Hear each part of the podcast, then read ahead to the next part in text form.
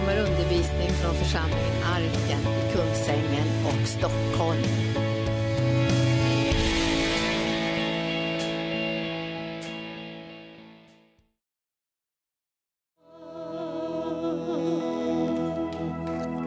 Halleluja. Varsågoda och sitt.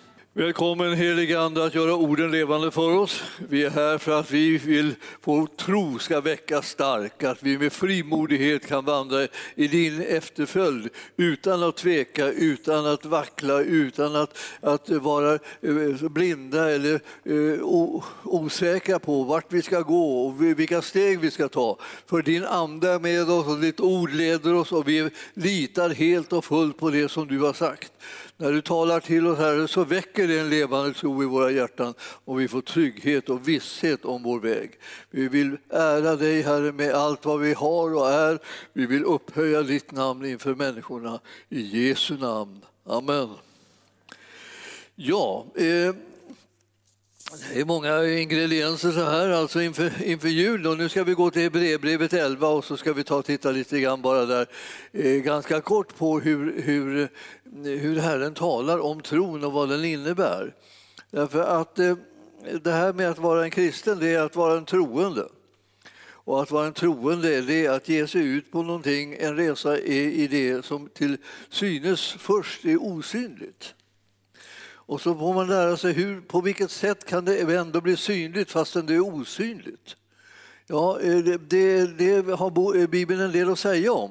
Så vi tänker ibland så här att ja, men det, det är svårt att bara tro så här utan, att- utan att se då, utan att veta.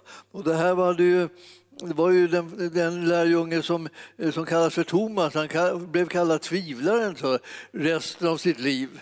Stackarn. Alltså man säger. Det var ju bara det att han inte var där när Jesus visade sig. Har vi kommit på. Så att han, han, eh, han var inte närvarande när, när, när Jesus kom.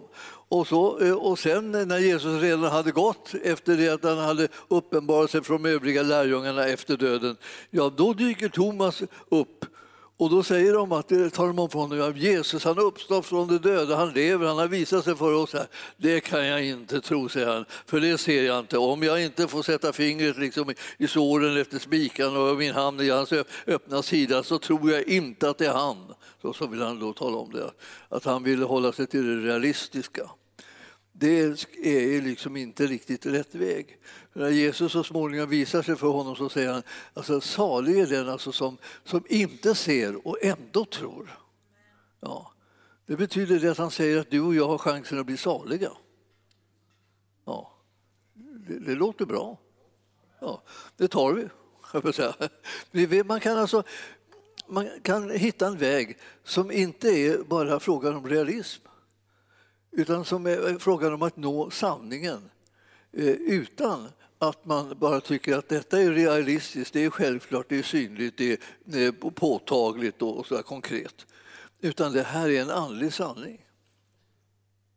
Och då står det så här att det var för, att, för, att ta, för att få tag i andliga sanningar måste man få tag i tron. Och tron är någonting som man använder sig när saker och ting är osynliga men ändå finns. Så därför när vi då då tittar på det här eh, eh, elfte kapitlet i Hebreerbrevet och första, första, första versen där så är det liksom nyckeln till hela saken. Det här är egentligen nyckeln till det, det kristna livet. Vi ska leva ett liv där vi tror på saker som inte syns. Det går alldeles utmärkt ska jag tala om. Alltså, du, kan, du tänker så här, oh, det måste vara ett problem. Nej, det är inte ett problem. Det är det som gör att det är inte längre är ett problem.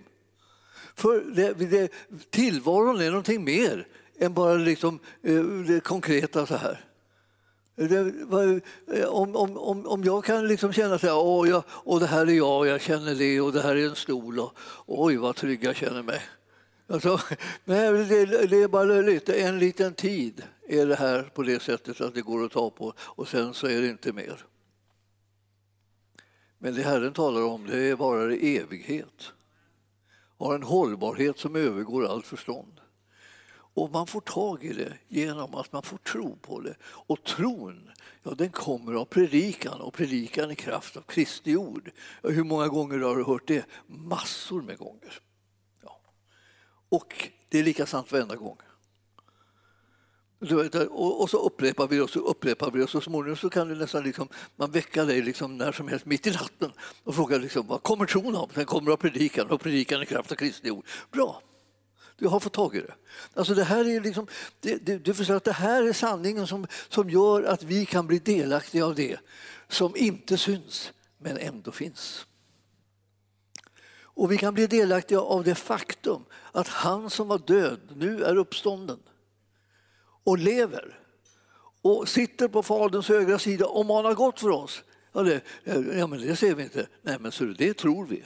Och därför så håller vi tag i det. För det har vi fått predikat för oss och predikan kommer från Kristi ord och, och det är Gudsordet. Så nu ska vi se här. Vad är då tron till sitt väsen? Ja, det är det, det som vi eh, måste liksom stava på då och då så att vi inte liksom sitter och liksom svävar ut i, liksom, i någon slags tomma intet liksom, och, och, bara liksom gissar eller hoppas på någonting. Att tro är någonting annat än att hoppas på det.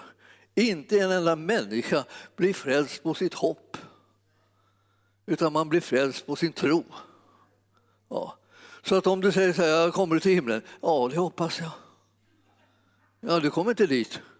Det finns ingen, ingen port som har öppnat sig för ett hopp. Utan eh, himlens port öppnas på grund av tron på Jesus Kristus. Genom honom och i honom som vi befann oss här i dopet demonstrerade att vi är i honom. Genom det så kan vi komma in. Det är en fantastisk tanke det här att tänka sig att vi är i honom. I och med att vi är i honom eh, så kan vi vara där han är. Var är han då? Ja, han är redan i himlen och sitter där på Faderns högra sida. Var i all världen håller du hus? Du är i honom. Ja, och var var han för någonstans? Är han på Faderns högra sida? Var sitter Fadern någonstans? Ja, han är väl i himmelen då. Ja, så vi är redan lite samlade där. Det är bara det att vi är här också. Och han är med. För det här är ju ömsesidigt kan man säga.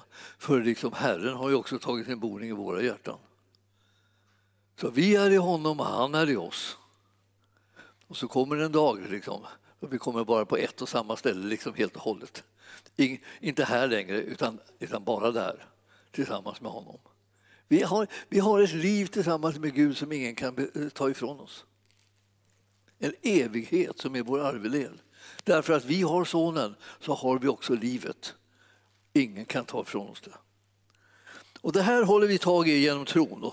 Och så står det, tron är en övertygelse om det som man hoppas. Så att liksom det här hoppet räcker inte, det måste komma en övertygelse.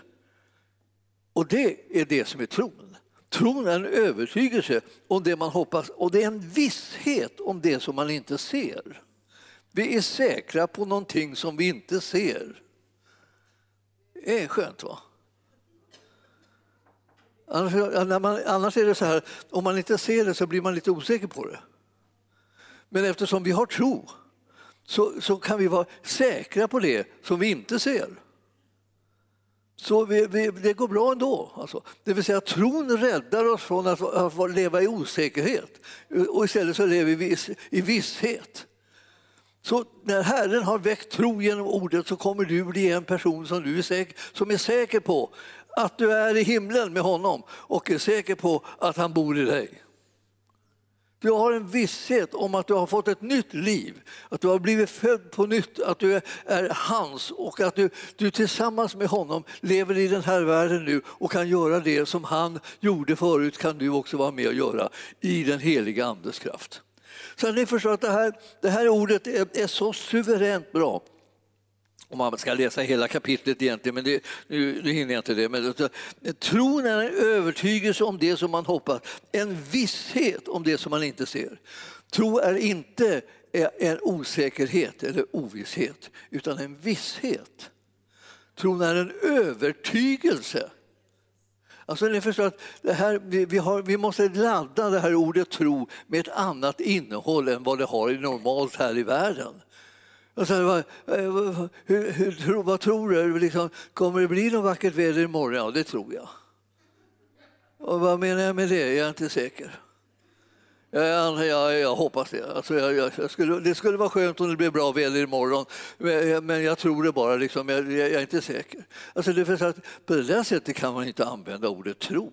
Det är ett missbruk av ordet tro. Alltså, tro är ju en övertygelse om visshet om det som man inte ser. Och hur får man den vissheten? Genom att ordet har talat till en så får man den här vissheten. Så du och jag som sitter i, liksom, i draget av Guds ord, liksom, där det blåser på oss hela tiden, bara, så det är bara över. Så fort vi kommer hem så slår vi upp våra biblar och det bara viner om öronen på oss liksom, med Guds ord och Guds sanning. Och så får vi en visshet och en övertygelse om det som man inte ser. Så vi bygger våra liv på det och då håller det i tid och evighet. Alltså. Vilken, vilken fantastiskt läge vi har. Alltså, passa på och, liksom, och, och, och, och använda dig av denna fantastiska äh, liksom, nyckel som Herren gett dig. Genom tron så får du visshet och eh, en övertygelse istället för att du får ovisshet och, liksom, och, och allmän bara flummighet. Herren håller på och liksom rustar sitt folk så att de kan gå igenom den här världen utan att låta sig skrämmas av de, den osäkerhet som ligger i allt det här som vi ser. Ni vet, vi börjar bli oroliga för världen överhuvudtaget, för jordklotet, för, liksom, för, för, för liksom, eh, naturen, hur det ska gå med den. Jag, jag, jag, blir, jag blir ibland så liksom upprörd över, över palmolja eftersom man liksom planterar massa palmer bara för att tjäna mera pengar medan man tar ifrån orangutangerna sin möjlighet att leva. För man fäller den skogen och planterar någonting som de inte kan leva av. Och jag tänkte, tänkte då så här, och det är bara liksom ett exempel på allting som liksom en slags skövling som pågår av hela naturen och missbruk av den. Och det här var vårt första mandat som människor, att vi skulle vara de som tog ansvar för skapelsen. Vårt första mandat som vi fick från Herren. När vi, när vi blev till så skulle vi vaka över skapelsen över växterna, över djuren, över allt som, allt som rörde sig och fanns. Det, det, var, det var vårt mandat. Och nu visar det sig liksom att det, liksom, eh, raserna, de olika djuren och de olika varelserna liksom dör ut som flugor. Liksom. Man kan säga det, vad är det här liksom för beständigt med den här världen? Inte mycket. Men det som består är det som inte syns, som Herren har hjälpt oss att få en tro till, som gör att vi kan tänka att även om den här världen kommer att gå under och förbjuder att det ska hänga, bero på oss, men även om den kommer att gå under så, så kommer vi att vara de som är med och, och sätter tro till en ny värld, en ny himmel och en ny jord och där Guds rättfärdighet bor och där, där saker och ting sker på hans sätt och på det sätt som han vill. Och hur ska vi kunna veta att det kan bli? Jo, därför att det tror vi. Vi har en visshet och en övertygelse om att Guds ord om det som komma skall, ska verkligen ske. Och jag vill säga till er att ni ska, ni ska vara vid gott mod ändå, för att genom den här med tron så kan vi dra in i synlighet det som vi tror, så att det som är osynligt ska kunna bli synligt. Vi förflyttar tingen säga, från den osynliga världen till den synliga. Det som inte var synligt, det liksom blir synligt. Det här, det här fascinerar mig. Jag, jag tänker att jag, jag, jag, har hållit på och läst Hebreerbrevet nu en längre tid. Alltså. Och jag kan inte låta bli att säga någonting utifrån det. För det är ett sånt fantastiskt brev. Jag, jag tänkte på när någon sa till mig så här att ja, Hebreerbrevet det, det, det, det är ingenting att läsa för de som är under 30. Eh, eh, då ska vi säga, tro, tro dem inte. Det är någonting att läsa för varenda en. Men det liksom fordrar lite koncentration för att man ska liksom få tag i det som, är liksom är, som står där. Det är så, det är så härligt och det, är liksom, alltså, och det finns en så djupt och så i det här. Alltså, det här är inte bara ett berättelse av ett skeende utan här är det liksom att dyka rakt ner i, i, i djupheten som finns i Gud. Alltså. Och, och, och han, han, uppenbarar saker för oss och han, han väjar inte för det här som är, liksom det här, som är konstigt, det här att vi, vi har att göra med det osynliga. Det, ja, visst, det är klart att vi har att göra med det osynliga. jag ska ta och läsa från den åttonde versen i, i, i det andra kapitlet i Hebreerbrevet. Allt har du lagt under hans fötter. Och när du la allt under honom utlämnades ingenting allt skulle vara lagt under honom och ännu så ser vi inte allt vara lagt under honom. Allt la du under hans fötter. Så där ligger det nu. Men vad är problemet? Vi ser inte att allt är lagt under hans fötter. Ser ni? Det, där, det, där, det är det som man tänker så här, har, har, Gud tänkt på att vi inte ser det? Alltså jag menar, har han tänkt på liksom hur, vilken, vilken, utmaning vi har, vad knepigt det är? Att han säger att allt har blivit lagt under hans fötter och så när vi går och försöker titta och se, ah, verkar det som om det ligger han, under hans fötter, så ser vi inte det. Det ser ut som om det inte låg där. Ja. Vad ska man, vad ska man ta sig till? Liksom? Man vill inte bli liksom en, en tvivlande Thomas. Liksom så här, eh, det ser inte ut som det är här. Nej, men vem lyssnar du till? Ja, du vet att det, det, det är lätt att det blir så att man lyssnar till de som inte vet. Men den som vet lyssnar man inte till. Och då man måste liksom vara vaksam över vad är det jag lyssnar på nu som gör att jag börjar känna mig så här liksom nere och upprörd och, och ifrån mig och, och osäker. Vad är, jag, vad, jag, vad jag lyssnar på för slags röst nu? Och du ska lyssna på honom som vet någonting. Så fast du inte ser och fast du inte märker att det är som han säger så är det så, därför att han har den möjligheten att tala sanning och göra det jämt. Och när du hör hans ord så väcker det så småningom tro i ditt hjärta och du börjar kunna lita på honom fastän det ser ut som det ser ut.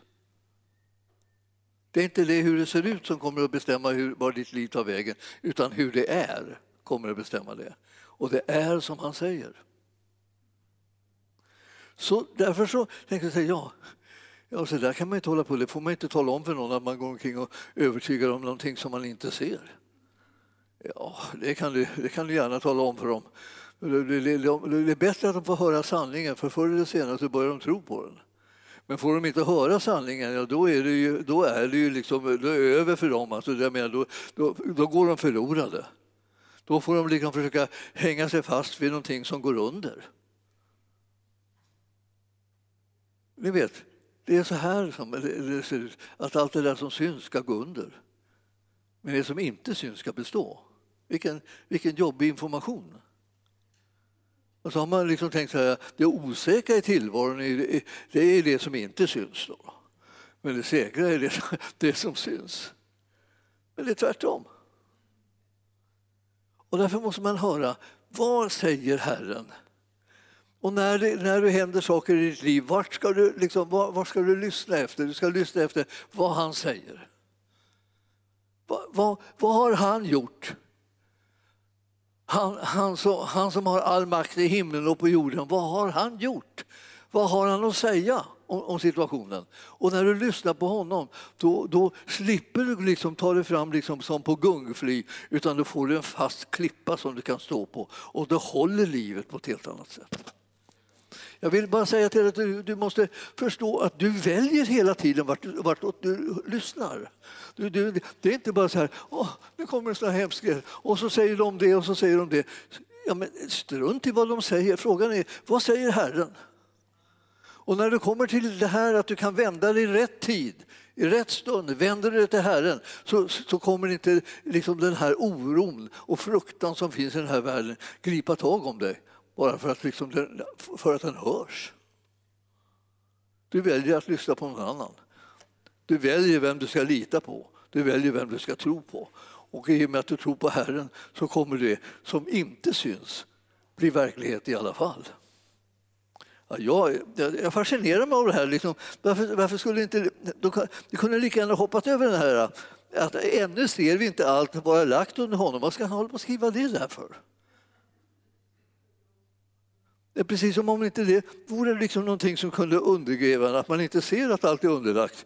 Om han inte hade skrivit det där så hade jag kunnat liksom låtsas att det inte den tanken fanns.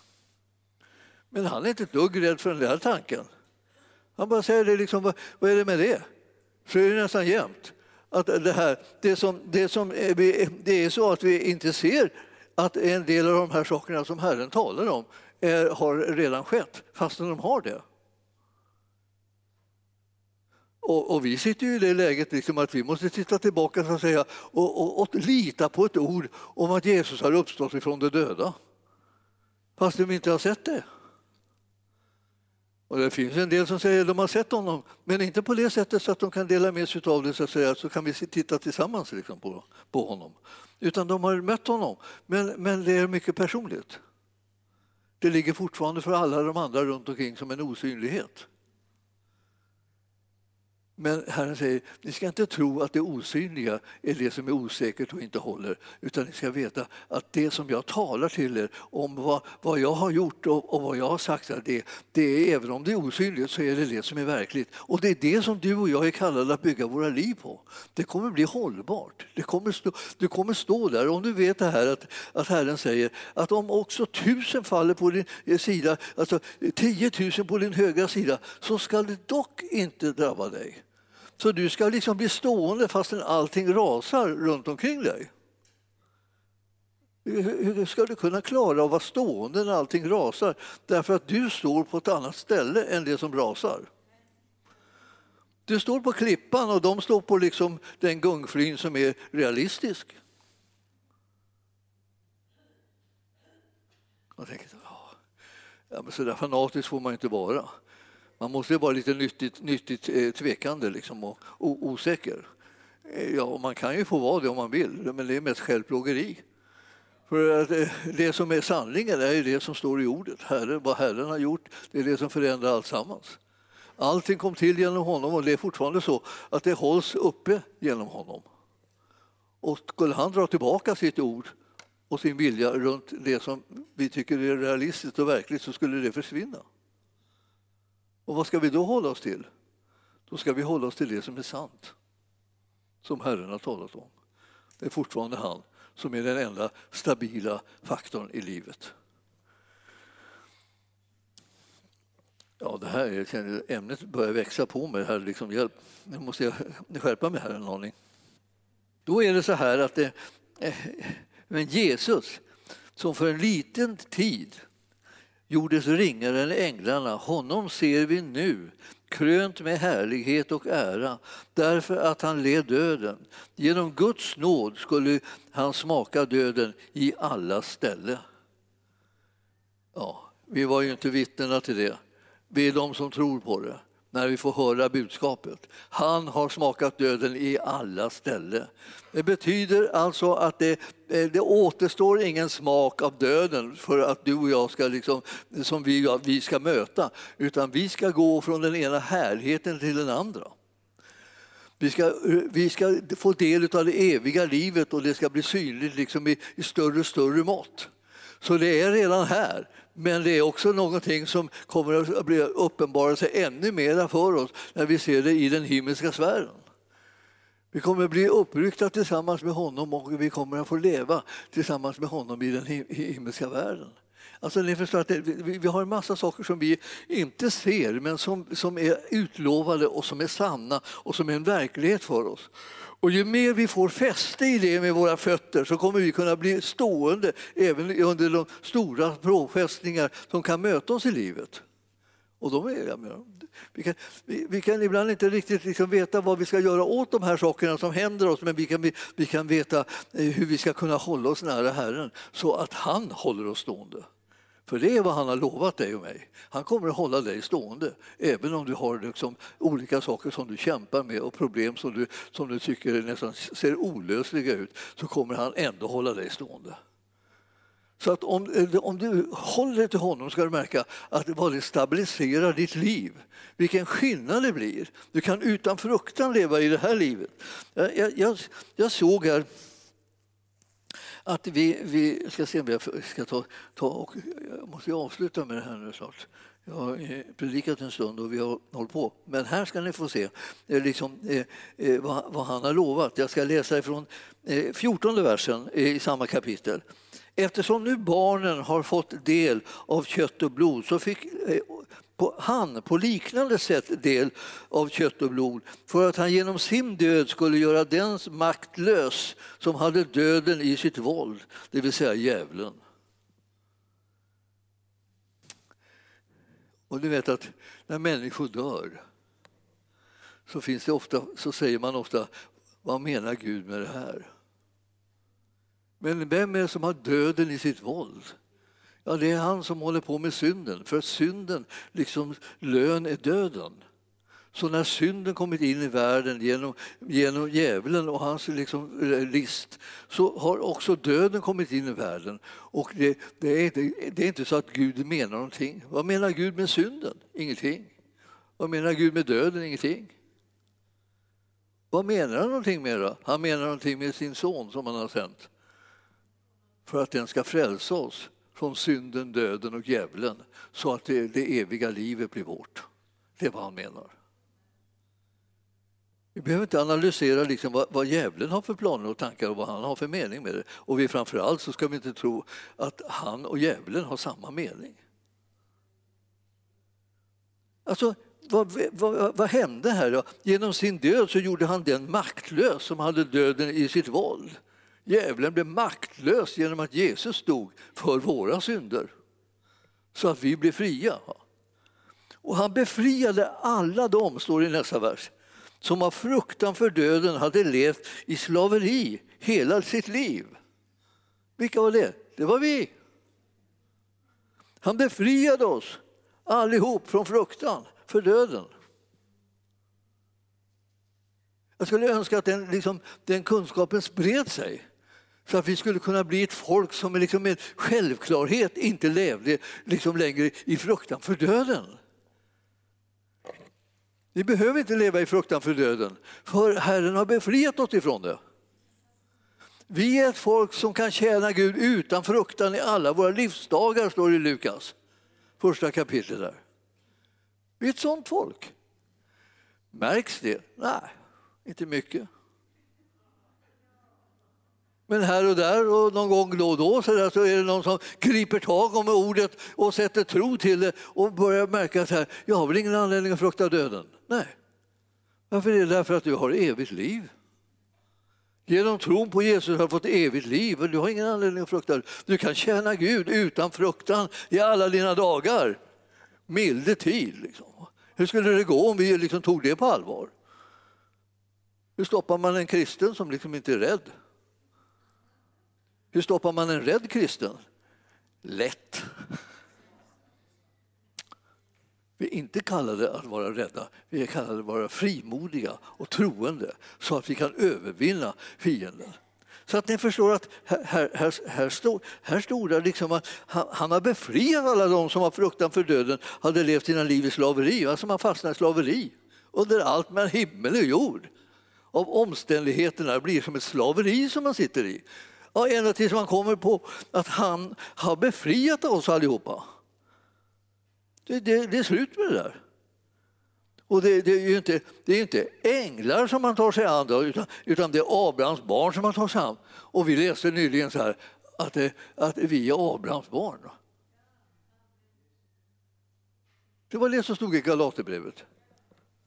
Det var någon av er som var inne på det där Galaterbrevet. Vi tittar lite grann, bara en liten snabbis på det. 3.29. Eh, Om ni nu tillhör honom så är ni Abrahams avkomlingar, arvingar enligt löftet, står det.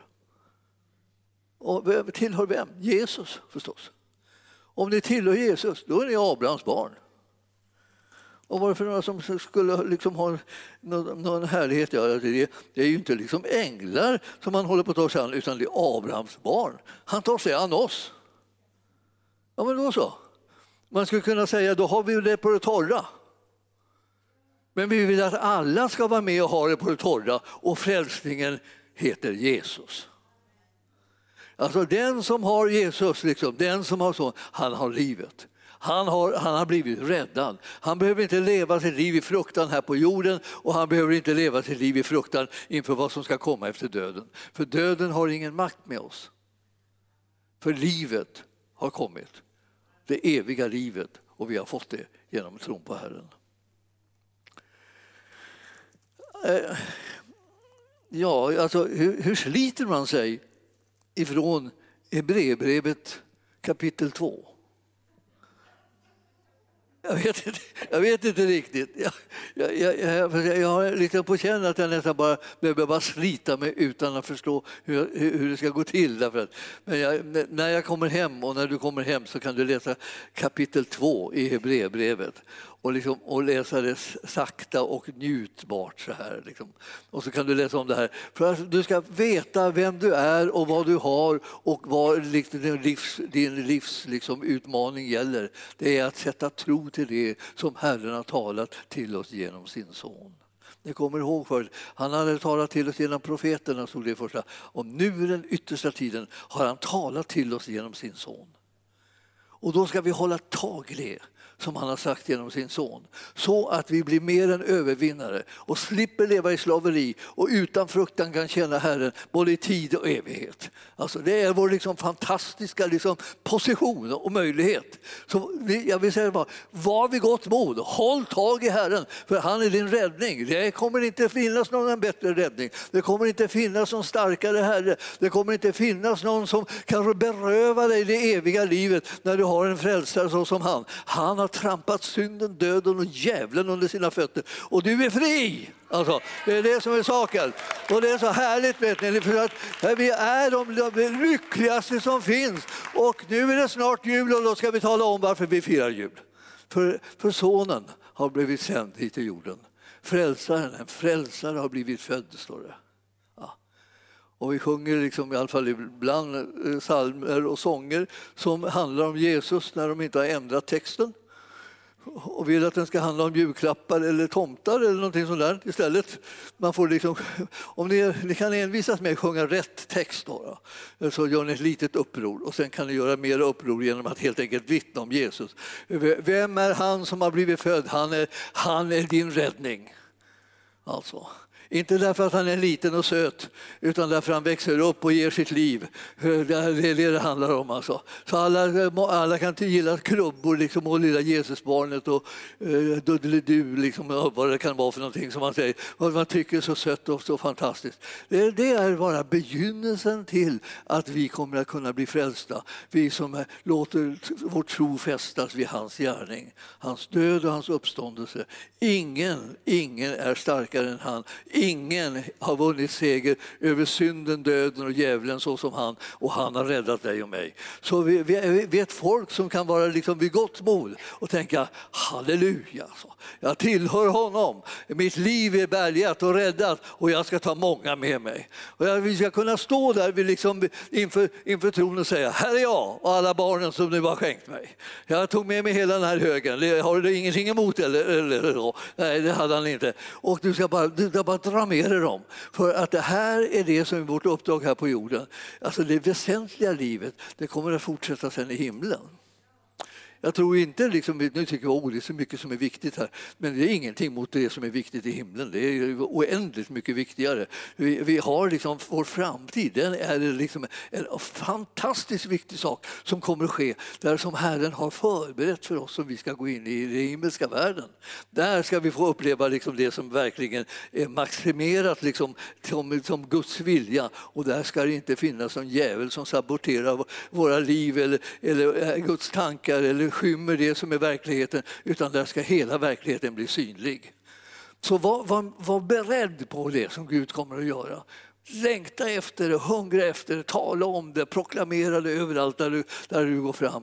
Och liksom, sätt din prägel med, med Guds ordet i varenda samling som du hamnar i. För det, det, det ska bli härligt. Jag skulle vilja samla in er och höra sen hur ni har, liksom, hur har ni sagt, talat om Jesus där det, där det liksom inte var någon som egentligen annan som kom på tanken och då gjorde ni det. Och, och, och så få höra vad, hur gick det? Därför att ni förstår, det finns ett folk som hungrar och törstar efter rättfärdighet och efter frälsningen, efter friden med Gud. Det finns ett folk som inte liksom vet var, var ska jag hitta det, vart, vart ska jag vända mig? Och då ska ni tala om vart man vänder sig. Så att det här är vår, det här är vår chans liksom över alla chanser. Alla människor har ju liksom, liksom någon slags julsnutt som har gått hem i, i dem och de, som de tänker på så här. Och då ska ni tala om hur går det till att bli frälst. Det är ju enkelt. Man säger Jesus, kom in i mitt hjärta och fräls mig. Förlåt mig mina synder. Då kommer han, då förlåter han dig, då föder han dig på nytt och du blir ett Guds barn. Kan, kan, du tänka att det ska vara så lätt att få hela, hela livet förändrat? Från det att man är, sitter i slaveri och mörker tills man sitter liksom i frihet och ljus och härlighet. Så lätt var det. Jesus, vi tackar dig för att du har kommit och gett ditt liv för oss. Vi tackar för att frälsningen är tillgänglig för var och en som tror. Och vi tackar för att tron kommer av predikan och predikan av Kristi ord. Och när det ordet går ut genom oss allihopa, när vi öppnar vår mun och talar om vår frälsare, så kan människor bli frälsta. De kan få tro som väcker, väcker ett sånt liv i dem så att det finns ingenting som hindrar att frälsningens hela och fulla verklighet blir deras. Jag tackar dig Herre för att vi ska förvandla den här julen så att den blir en jul som människor kommer att minnas som den julen då de plötsligt såg allting så som det egentligen var.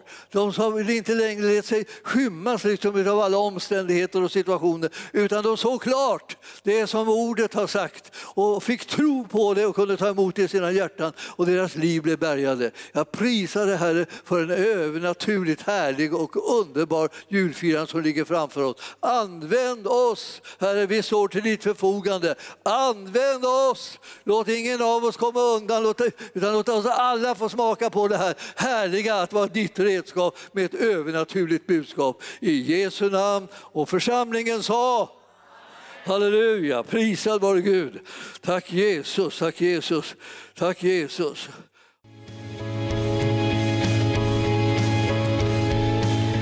Tack för att du har lyssnat. Vill du få del av mer information om församlingen Arken, vår helande tjänst, bibelskola och övriga arbete, gå in på www.arken.org.